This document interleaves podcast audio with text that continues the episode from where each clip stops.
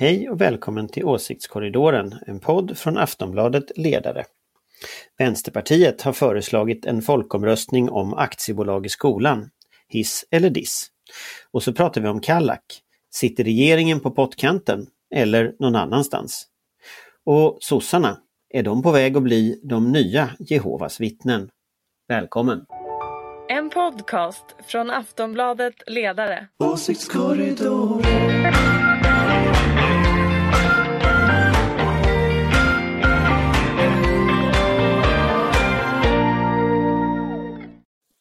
och välkomna till Åsiktskorridoren, podden från Aftonbladets ledarredaktion som är din vägvisare i den politiska vildmarken. Med mig för att hitta rätt har jag precis som vanligt tre av landets ledande politiska analytiker. Från den gröna och liberala tankesmedjan Fores, Ulrika Schenström. Du är oberoende moderat. Jajamän, hej hej, här är jag. Ja, välkommen! Tack. Från Aftonbladets oberoende socialdemokratiska ledarsida, Sina Aldevani. Välkommen! Tack. Dessutom, precis som vanligt, Aftonbladets politiska chefredaktör Anders Lindberg. Du är också välkommen. Hej hej! Själv heter jag Ingvar Persson och skriver till vardags ledare i Aftonbladet. Eh, här i podden är det min roll att så rättvist som möjligt försöka lotsa samtalet förbi blindskär och fallgropar. Jag tänkte vi skulle börja med pandemin. Sedan vi träffades förra gången har ju restriktionerna försvunnit, i alla fall nästan. Eh, och jag tänkte jag skulle börja fråga panelen, känner ni er friare nu? Ulrika? Ja, jag vet inte. Alltså, jag var ja, ka, ja, ja, kanske, men jag tycker inte... Ja, ja, jag går ju överallt. Jag har inte åkt eh, kollektivt sedan eh, i mars 2020. Så att på det sättet, och så har jag ju hund, så jag har ju varit väldigt mycket ute ändå. Så att, ja, jag vet att det är svårt att svara på det faktiskt Ingvar. Jag, jag har inte känt... Ja, men jag känner mig mer så att att jag känner mig inte begränsad i alla fall. Alltså förut så tyckte jag att det var jobbigt att sitta hemma, men, men det är ganska skönt ibland att sitta hemma också. så det är lite blandade känslor där. Jag förstår. Sina, Ja. är du fri och lycklig nu? ja men alltså, jag tror det är lite samma. När man känner att man inte får, då blir det plötsligt viktigare att liksom få sin frihet. Men, men jag har ju också känt eh, när jag har varit eh, på stan eller ätit lunch eller sådär, att, eh, att folk rör sig annorlunda. Det är inte, de tittar inte som att man liksom är pestsmittad om man råkar hosta till lite. Eh, man, människor rör sig lite mer sömlöst i offentliga rum tycker jag. Eh, så det, visst, det känns i luften att det är någonting som har hänt, att det är något som har släppt. Och det tycker jag är ganska skönt. Känns det hemma hos dig också Anders? Ja, det är inte så stor skillnad för mig. Jag, jag sitter här eh, vid min dataskärm eh, hemma fortfarande men nästa vecka så börjar vi väl gå tillbaka lite mera konkret till jobbet och sådär. Och, och så, att, så att det är klart att jag var ju där förra veckan eh, och vi har fått igång liksom de sakerna som man gör där. Så det blir ju mera, mera ja, någonting nytt. Men jag måste nog erkänna att jag är inte så mycket ute och rör på mig överhuvudtaget så, att, så att det spelar inte så stor roll. Jag förstår. Eh, men om man då funderar över vad som kommer att hända framöver så i, folk, i veckan så fick vi höra från Folkhälsomyndigheten att man nu rekommenderar alla över 80 att boka in sig för ytterligare en spruta. Eh, och det är väl möjligt att det kommer rekommendationer för oss andra också. Finns det en risk att människor tröttnar på att ständigt behöva ta nya sprutor, Sina? Alltså, ja, grejen är människor över 80 är ju vana att ta en del sprutor, speciellt när det gäller influensavaccinet och sådär. Skillnaden nu är ju att covidvaccinet verkar man behöva ta med mycket kortare mellanrum. Men jag tror inte man ska underskatta människors förmåga att anpassa sig till ett nytt läge heller. Det blir väldigt snabbt ett nytt normalläge tror jag. Och ska man vaccinera sig igen, då gör nog de flesta det utan att tänka två gånger. Tänker du likadant Ulrika? Nej, men alltså, vi har ju tagit hur mycket vaccin som helst. Vi tar TBE, vi tar polio, vi tar mässling. Så vi tar ju sådana här vacciner man ska åka utomlands, långt bort får man ta vacciner. Alltså vi är ju vana vid att ta vacciner. Det här blir ju bara en till så att säga. Så att jag, jag tycker inte att det känns komplicerat överhuvudtaget faktiskt. Men där står inte socialministern och uppmanar oss att ta dem. Nej, men det är väl bra om socialministern gör det. Jag menar, om man är över 80 och skör så är det klart att eh, det är väl lika bra att göra det. Jag tycker inte det, jag tycker inte det känns värre, eller mer eh, plågsamt för att socialministern säger det än att eh, den region man bor i rekommenderar det. Du står ut med det? Ja. ja. Okej, vi släpper pandemin och så eh, tänker vi att det får, får vara, får vi se hur det ser ut om en vecka. Eh, annars är den stora nyhetshändelsen, eller nyhetsämnet just nu, säkerhetsläget och säkerhetshotet. Eh, rapporter från eh, underrättelsetjänsterna i Storbritannien och USA talar till och med om en invasion som skulle, av Ukraina då från Ryssland som skulle kunna börja imorgon. Eh, och just den dagen ska ju svensk, den svenska riksdagen, för övrigt också nu fulltalig, prata om utrikespolitik. Är hotet så stort att vi borde få se en borgfred i svensk inrikespolitik, Ulrika?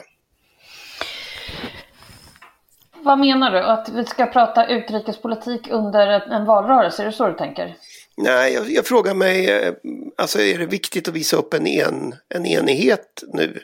Ja, alltså det är ju ett allvarligt läge och eh, det kommer väl hålla på så här ganska länge skulle jag tro. Eh, och han kommer väl föra fram Putin och sen backa så att ja absolut blir det värre och han verkligen går in och det är så, så, så tror jag på bred enighet när det handlar om säkerhetspolitiken. Men kommer det också påverka valrörelsen? Kan man liksom slå det kan vi göra. Alltså, får vi det här läget så, så ska vi ju komma ihåg att, att eh, det kommer påverka eh, samtalet i allra högsta grad. Jag tror att vi är inne, på väg in i ett så kallat paradigmskifte eh, där vi kommer att se eh, hotet eh, mot den liberala demokratin så som vi känner det och vilken världsordning vi kommer att få med ett allt svagare USA, med ett allt starkare Kina och Ryssland. Så det här kommer gå ut över alla andra eh, politiska frågor såsom klimatet eh, och allt annat. Så det kommer nog, eh, det kan bli lite tufft. Jag, ty jag, tycker att det är lite oroande, oroande läge. Jag tycker att det är obehagligt. Bara för att ha det sagt. Mm. Anders, det här är ju ett område du följer. Ja, men vi är ju en sån formativ period nu. Alltså på samma sätt som man var i början på 90-talet efter 89 och murens fall och Sovjetunionens upplösning och som vi var efter 1945 och andra världskrigets slut. Alltså, under några år nu så kommer en ny ordning att formas. Eh, och det jag såg i Sveriges Radio idag blåste stort upp att nu drar sig ryska trupper tillbaka. Och, och, bara den nivån på informationsberedskap, att man inte förstår att det här är propaganda och att man skickar ut i Sveriges Radio visar ju att vi inte är förberedda överhuvudtaget. Vi, vi förstår ingenting. Och, och, det blir... Jag skulle säga att vi, vi är just nu i en, en, en, period när väldigt mycket kommer att förändras. Eh, inte bara säkerhetspolitiskt utan även, även liksom normer och värderingar kopplat just till Rysslands eh, agerande. Samtidigt, det har varit i i tangentens riktning nu ett tag. Alltså invasionen och ockupationen av Krim var eh, 2014, det är åtta år sedan. Så jag menar, det här är ett nytt läge vi är i. Eh, så, så att, och det, jag tror, jag, jag vet inte om Ryssland invaderar eller vad man, vad man tänker göra, men man har ju allt väsentligt redan uppnått att det säkerhetspolitiska läget i Europa har ställt sig på sin spets. Så att eh, vi kan inte gå tillbaka från det här till hur det var för en månad sedan. Nej. Det, det är liksom loppet är nu kört. Det är någonting annat, någonting nytt kommer istället. Precis så. Ja, det är det här som är det obehagliga, att man inte heller förstår att vi är inne i, i ett läge. Och det är precis som Anders säger, att man går på varenda nyhet på något sätt. Han kommer hålla på så här fram och tillbaka, fram och tillbaka, fram och tillbaka. Och så helt plötsligt så läcker de ett papper och där står det att det är den 16 februari, då går de in och sen så backar de och så kommer de föra fram, eller hur Anders? Så kommer de hålla jo, på men jag tror, ja, dels det, men sen måste man också förstå att, att det är inte en fråga om en vecka eller två veckor, det är en fråga om många år. Alltså, konflikten började 2014, den kommer inte att sluta 2022. Den kommer kanske att sluta 2032. Så, att, så, att det, så det, vi pratar om här nu det är liksom en, en pågående flöde av konflikt från Ryssland. Och tittar vi på hela Putins strategi så börjar ju den egentligen för över 20 år sedan med kriget i Tjetjenien. Så, att, så att vi, vi, har ju sett så här, kriget i Tjetjenien, vi har sett Moldavien, Transnistrien, vi har sett eh, Georgien, vi har sett Ukraina, nu ser vi Ukraina igen. Det här är en pågående eh, metod från Rysslands sida för att, att värna så att säga, stabiliteten för regimen i Ryssland. Och, och, Putin är inte rädd för NATO eller för att liksom gott, svenska trupper på Gotland ska invadera Ryssland. Han är rädd för ett demokratiskt Ukraina. Därför att ett demokratiskt Ukraina kommer att göra de som eh, bor i Ryssland att upptäcka att man behöver inte leva under en kleptokrati med Putin. Eh, och det är det man är rädd för från rysk sida. Och, och så länge hotet om liksom, eh, slaviska demokratiska stater finns, ja då kommer han att fortsätta. Så att jag, jag men, tror att vi, vi, är mitt i liksom det här flödet just nu. Men om jag då får vara så tråkig att jag återför det här till, till liksom inrikespolitiken. Eh, om den här bilden är riktig Sina, eh, kommer svenska partier att liksom kunna fortsätta med sitt eh, vardagsbråk om alla de här vanliga sakerna som man bråkar om? Vem som är bäst på brott och straff och vad det kan vara. Jag tror att det är, på ett sätt så är det också viktigt för demokratin att de här partierna får fortsätta bråka eh, med varandra. Eh, men sen när det gäller vår säkerhet så tycker jag också att en sak som de skulle kunna börja bråka om är till exempel varför typ ett bolag som är knutet till Kinas militär plötsligt får ha hand om säkerheten på Arlanda. Alltså har marknadsekonomin blivit, gått helt bananas att vi nu bara okej, okay, men de var ju lägstbjudande, visst kom in. Alltså om vi ska tänka på så här, också vår inrikes säkerhet och att bara kunna ge bort våra personuppgifter på det sättet. Alltså den naiviteten tror jag måste bort och där hoppas jag verkligen att våra partier kan ändå samsas kring att det här är inte så smart. Ja, hur fan gick det där till? Det fattar inte jag heller, det är ju helt sinnessjukt. Har de ingen styrning på Arlanda överhuvudtaget liksom? Ja, nu blir det väl styrning då. Ja, så någon borde ju styra upp och slänga ut det där jävla bolaget för det är klart att vi kan ju inte ha kinesiska kommunistpartiet inne och registrera personuppgifter i Sverige. Alltså det, själva idén är ju så befängd. Så... Ja, det är faktiskt. Och, och också väldigt obehagligt att man inte förstår allvaret i situationen.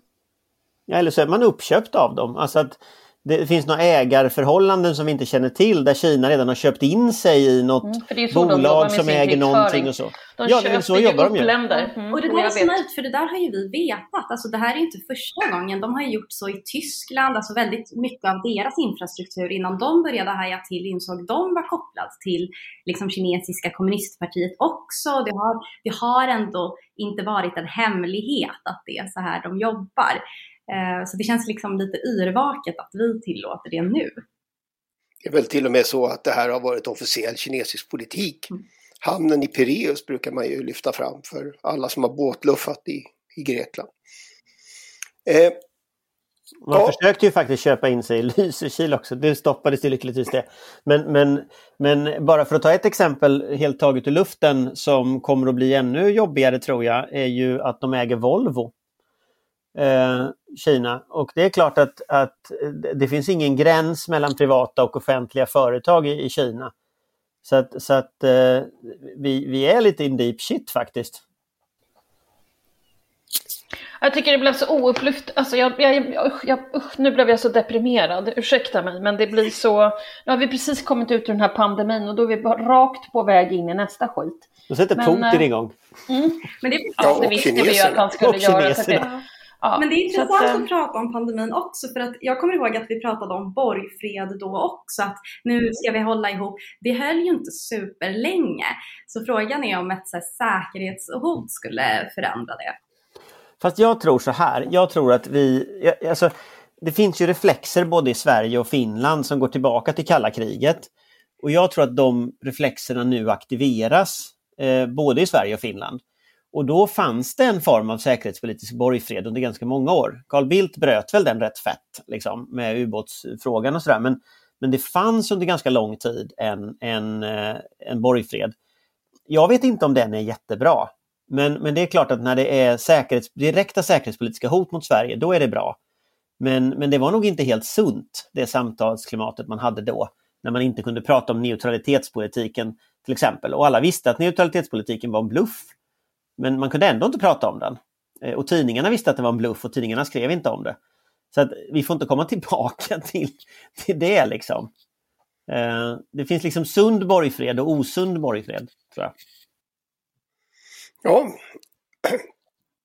eh, som sagt ingen finlandisering Det är sammanfattningen.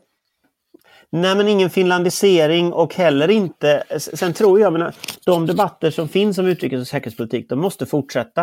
Och jag tror ju de måste fortsätta inom ramen för vad som är möjligt naturligtvis. Jag menar, det beror ju på hur hotet ser ut. Men på den nuvarande nivån så tror jag det tvärtom är viktigt att visa att liksom den, den demokratin står upp.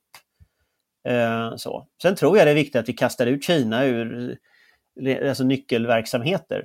Eh, Huawei har ju stämt, eller ska ju stämma staten för att de åker ut. Liksom. Men jag tror man ska ta och slänga ut lite fler sådana där bolag. Ja.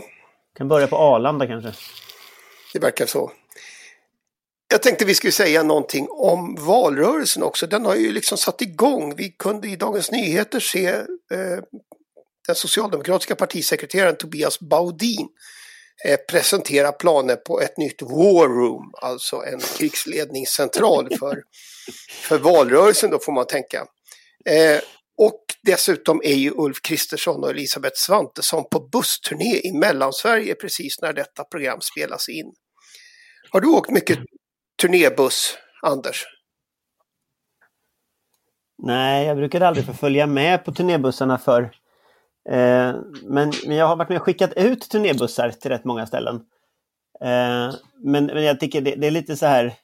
Jag vet inte, det känns lite tidigt att i februari börja valrörelsen, men det är väl så det är. Sen tycker jag det är lite roligt det här med det här språkbruket. Liksom. Man ska ha ett war room. Ja, det är faktiskt oerhört alltså... töntigt. Alltså, ursäkta mig. Det, det, är liksom, det är amerikanskt 80-tal på något sätt.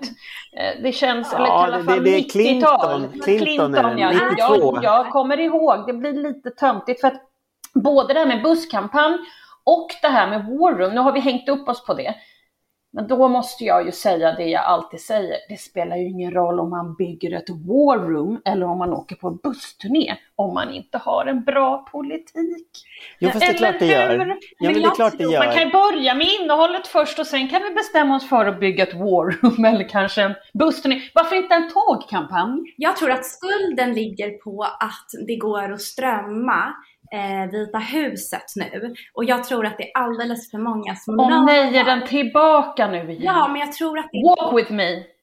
Exakt! Och jag tror att det är därför eh, det är för många så här, politiknördar, kanske, kanske särskilt sossar, förlåt Anders, som tittar och blir superinspirerade och så plötsligt så har de ett war room.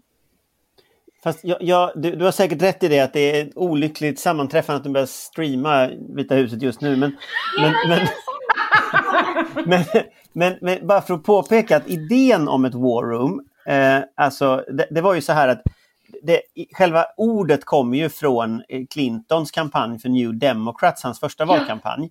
Och det, där, där så laborerade man med att göra om från en krigsledning till att en mera liksom en journalistlik. Alltså man, I praktiken så är War Roomet en desk dit allting samlas och sen går allting ut från, från denna desk. Liksom. Så att man egentligen kopierat hur medieföretag jobbar i politiska kampanjer.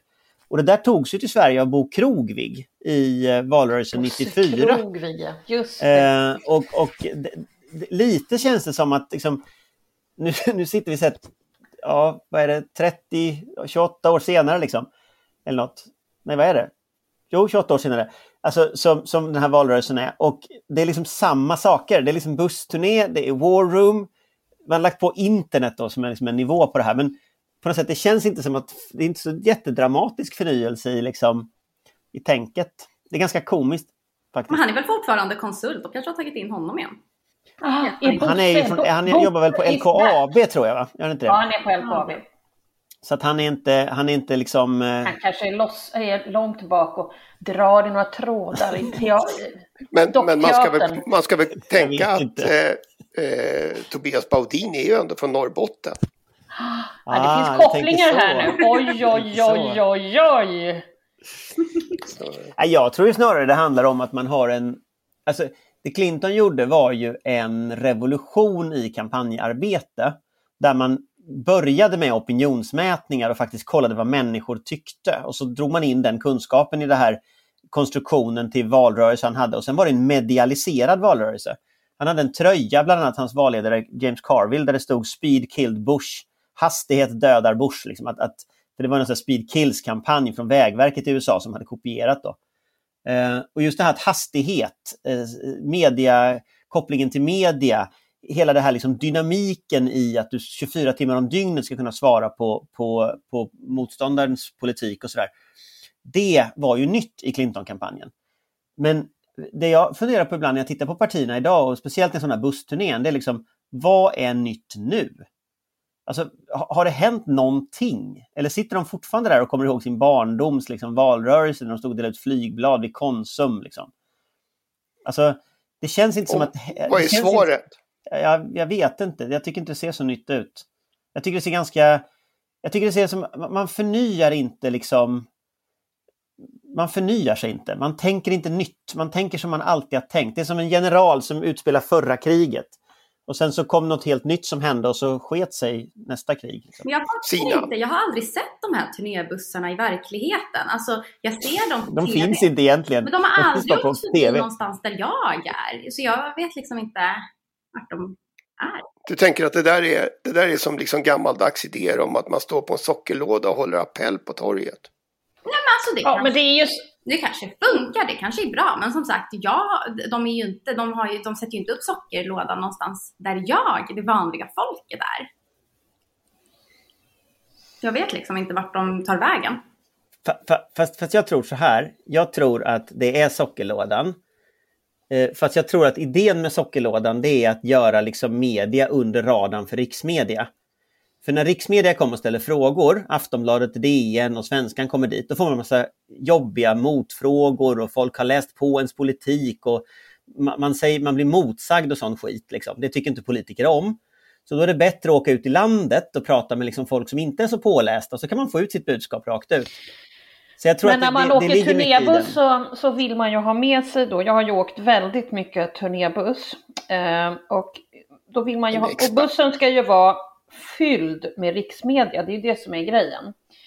Eh, eh, man, man, kan göra en sån turné som du pratar om Anders också, att man åker ut och det är faktiskt fantastiskt skönt. De får ju nämligen inte fråga partiledarna då eh, om saker som är riks, utan det är helt enkelt, eh, man åker rälsbuss med åtföljd av en eh, journalist, ingen fotograf frågor om lokala grejer utan att det blir ifrågasatt. Fantastiskt bra media fantastiskt utan bra en media. motfråga. Ingen, liksom. ingen motfråga, alla är snälla. Men vad man oftast gör när man åker då på en sån här turné, det är ju att man vill ha med sig riksmedia. Och jag har åkt på många sådana som är helt fullsmockade med eh, och grejen är den att eh, det funkar ju också, men då har du ju en hel buss fylld med folk som ställer frågor som du inte vill ha.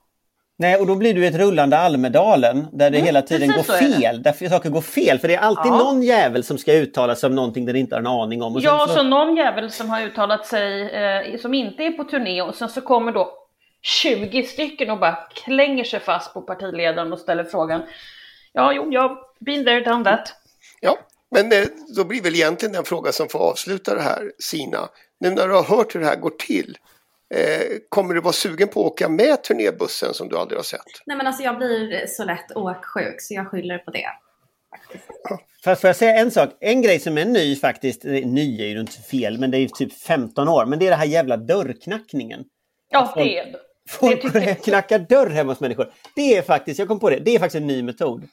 Eh, så att liksom Nej, hela det har vi hållit på med sedan 70-tal. Ja, men att det kom, det var väldigt mycket Barack Obama och väldigt mycket Nej. att det var så fantastiskt. Jo, Hallå, det var jag har det. knackat dörr ända ja. sedan 70-talet. Moderaterna är oerhört Du har inte knackat dörr på 70-talet.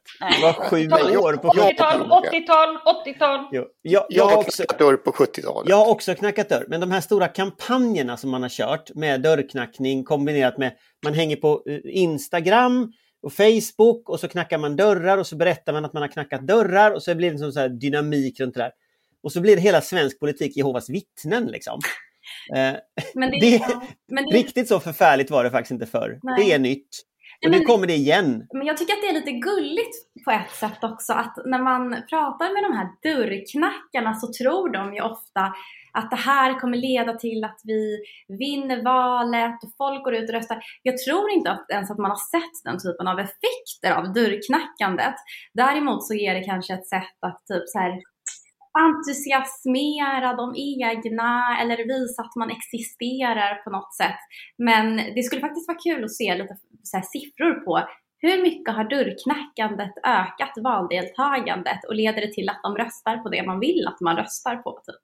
Det kanske funkar i vissa områden i och för sig där valdeltagandet är ovanligt lågt. Men ja, det är sant, det blir lite sektigt. Nej. Jo, men jag, jag, tror faktiskt att det finns siffror. Jag såg någonting om det där att de, de, har mätt, de har tittat på skillnaden mellan valdistrikt där man har knackat och valdistrikt där man inte har knackat mm. och kunnat se tydliga skillnader. Men, men frågan är ju om det är positivt eller negativt för det man vill, det är inte jag helt säker på. Jag vill minnas faktiskt, man fick ju göra ett omval för några val sedan i en valkrets i Örebro, Vivalla. Eh, där, där ju liksom hela den politiska kampanjapparaten då kunde fokuseras på på de här människorna som bodde där. Och där fick man nog faktiskt upp valdeltagandet rätt mycket. Det var ja, något. Jo, men jag tror faktiskt att det, det, man, det, får man nog. Däremot så, är jag, däremot så är jag osäker på nu. Det kanske är så att man skulle skicka ut de där människorna på internet istället. Det är inte helt otänkbart att man ska liksom hänga i sin lokala Facebookgrupp istället och kanske lösa folks problem i vardagen. Hörrni, vi ska gå vidare. Jag tänkte jag, jag måste bara höra. Här, häromdagen precis så föreslog ju Vänsterpartiet att vi ska ha en folkomröstning på valdagen i höst. Eh, nämligen om aktiebolag ska vara tillåtna eller förbjudna i skolan. Eh, varför vill inte Nooshi Dadgostar ha det där som en valfråga istället? Och skulle en folkomröstning faktiskt gynna Vänsterpartiet, Anders? Frågar du mig det? Eh, ja. Ja, nej, jag har ingen aning. Alltså, folkomröstningar, man, i, i, i, USA använder man ju folkomröstningar lite sådär ibland. Att man, man lägger liksom folkomröstningsfrågor som just den egna väljargruppen tycker väldigt starkt och så på det sättet kan man mobilisera dit den egna väljargruppen till valurnorna. Och jag antar att det är något sånt de tänker sig, eh, vänsterpartisterna. Men eh, jag skulle nog säga att, att det spelar ingen roll.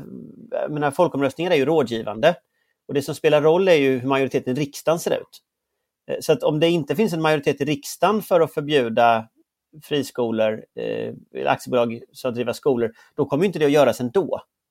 Så, att, så att det är en ganska konstig liksom, linje. Sen, sen, finns det ett problem tycker jag och det är att börjar man säga att folkomröstning är liksom på något sätt bättre eller finare än en representativ demokrati, då kommer man att få väldigt svårt, och den retoriken har man nu, alltså man får väldigt svårt att säga varför ska vi inte ha en folkomröstning om invandring i så fall? Varför ska vi inte lite... ha en folkomröstning om dieselskatt, höghastighetståg? Eh, alltså det, det, det, det, blir, man hamnar på en väldigt konstig debatt tycker jag. Så. Ulrika? Nej men jag tänker så här, är det inte bara så att Nooshi helt enkelt vill ha in just vinstdiskussionen i valrörelsen och just därför eh, eh, vill ha en folkomröstning. Hon kanske inte alls vill ha just en folkomröstning, men det där är ju en... Vi sitter ju och pratar om det nu. Exakt. Eller hur? Ja, men valet är, är ju september. Det, det, är ju ingen som kommer att komma ihåg det där i september. Men det tror jag, Sir. Jag tror att hon, hon vill ha in frågan till en diskussion om detta. Sen om det är en folkomröstning hon vill ha, det är inte, det är inte formen hon är ute efter, det är diskussionen hon är ute efter. Sen får vi väl se Anders om det var smart eller inte, men det är därför jag tror hon har gjort mm. Nej, ja, men jag, jag tror också det hon har gjort. Ja, Sina, var det smart? Ja, nu sa Ulrika ungefär det jag tänkte faktiskt. Jag tror också att det handlar om att verkligen sätta den här frågan på dagordningen. Och det är också ett lite lurigt sätt att, vi, att säga, hallå, majoriteten av svenska folket tycker ju faktiskt att det här är riktigt dåligt. Om vi har en folkomröstning så skulle ju vi vinna den. Och så blir det ett sätt att ta upp det här. Och visst, valet är i september, men om man pratar om att man vill ha en folkomröstning tills dess. Jag tror inte heller att det är själva målet att just kanske ha den folkomröstningen, utan att sådana som oss kommer börja prata om det då. Men ser du den här risken som Anders pekar på, att vi kommer att få en hel lång lista på olika saker som olika partier tycker att vi borde ha folkomröstning om? Ja, alltså jag antar det om man öppnar den dörren, men jag vet inte riktigt om den ens är öppen på riktigt nu. Jag, jag, kunde inte heller, jag kunde faktiskt inte heller ta det riktigt som ett seriöst förslag på det sättet, utan det jag läste in var vi tycker, att, vi tycker att skolan ska bli en valfråga och vi vet att eh, majoriteten av svenska folket håller med oss. Hallå, varför håller ni på och röstar fel i riksdagsvalet? Ungefär så. Fast jag, jag, jag tror, jag, jag, förstår det och det kan vara så att det är jättesmart att vi kommer att prata om det här nu från februari till september. Men jag tror inte det. Utan jag tror det som kommer att hända det är att möjligen att man lyckas göra frågan till en formfråga igen. Och i så fall kommer vänstern att förlora. Jag tror vänstern vinner på att frågan handlar om innehåll. Att den handlar om eh, barnen i skolan, att den handlar om lärarna, att den handlar om eh, eh, barn med särskilda behov. Alltså, det tror jag man vinner på. Jag tror att formdiskussioner har man försökt rätt mycket. Och det finns redan ganska mycket formdiskussioner om, om skolan. Det finns eh, Liberalerna som ska förstatliga skolan. Det, det, finns, eh, alltså, det finns massa sådana formgrejer. Liksom. Jag, jag tror vänstern ska prata innehåll. Ja, ja, ja, ja, ja, men de börjar i form. Jag menar Magdalena Andersson vill också upp den här frågan. Det finns massor med dem som vill ha upp frågan. Självklart, nu har de råkat säga en sak om form. Den här frågan kommer ju vara en av toppdiskussionerna under hela den här valrörelsen. Så det är klart att den kommer att diskuteras hur mycket som helst. Ja, men frågan är vad som vinner. Om jag, om Sina och jag tycker nu att du har fel. Så ja, nu är det så jag att jag tycker jag har rätt. Ja, jo, men Sina och jag, vi, vi är majoritet nu. Jag föreställer mig att vi inte ska ha en folkomröstning i saken här i panelen. Jag är tveksam till detta. Men jag, jag, jag vill ändå invända... Utan vi överlämnar detta åt lyssnarna. Ja, men jag vill ändå invända det att, att vänstern har försökt med det här nu. Nej, vänstern har försökt med det här nu sedan Sjöstedt tog upp frågan om vinster som central fråga för vänstern. Jag har inte noterat att det har hänt någonting i verkligheten än. Och vid någon tidpunkt, jag kanske ska förlora ett val till, liksom, jag vet inte, men vid någon tidpunkt så kanske man ska börja fundera på att byta strategi om man då inte lyckas. Till exempel så vore ju en strategi att man försöker få en majoritet för rödgröna partier som tycker så här. Eh, det är bara en idé. Den, den lär väl också bli ett tema i valrörelsen föreställer jag mig. Eh, Nej, just nu så bråkar de med varandra så det vet jag inte. Nej. Eh, det kan också vara ett tema i valrörelsen. Faktum är att, att jag tror inte vi hinner mer idag. Alltså, det här jo, men säg, nej, säg något om din gruva nu, bara kort. Ja, jätte, ja, men det är, ja. Då skulle vi egentligen vilja ställa en fråga också. Som sagt, jag pratade ju med Karl-Petter Thorwaldsson, näringsministern här i förra veckan. Eh, och en av de sakerna som vi faktiskt inte pratade särskilt mycket om var gruva, planerna på en gruva i Kallax utanför Jokkmokk.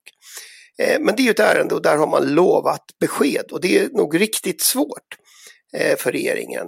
Eh, å ena sidan har man miljörörelsen, Greta Thunberg, Svenska kyrkan och samerna som hävdar att gruvan skulle skapa jättestora skador som inte läker. Å andra sidan har man lokalpolitiker och industrin som säger att nu måste vi få bygga en gruva.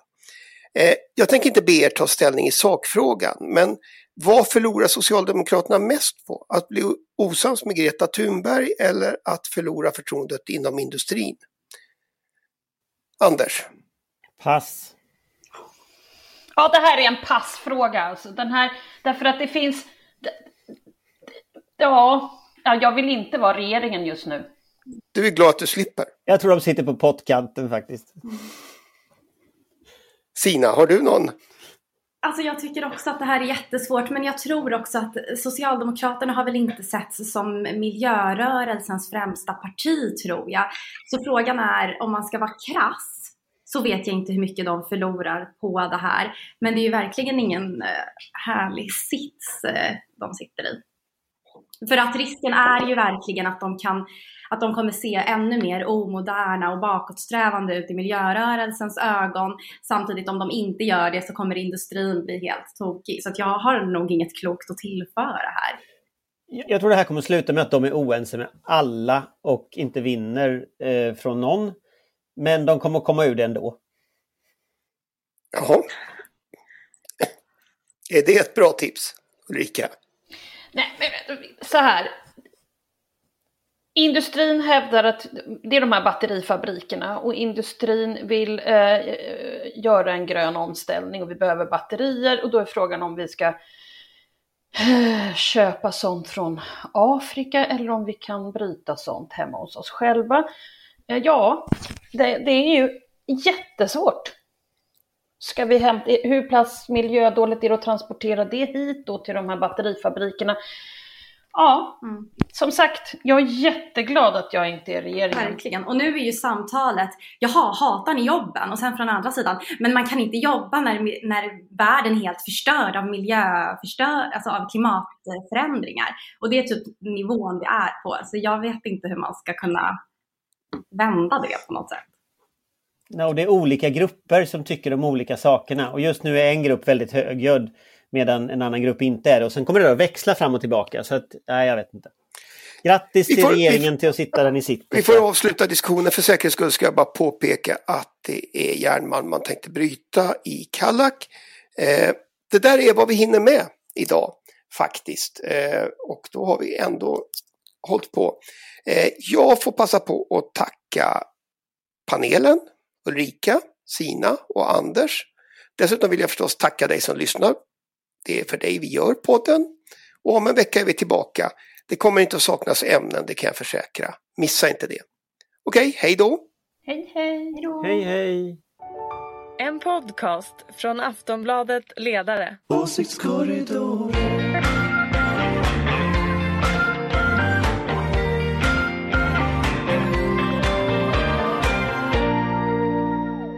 Du har lyssnat på en podcast från Aftonbladet. Ansvarig utgivare är Lena K Samuelsson.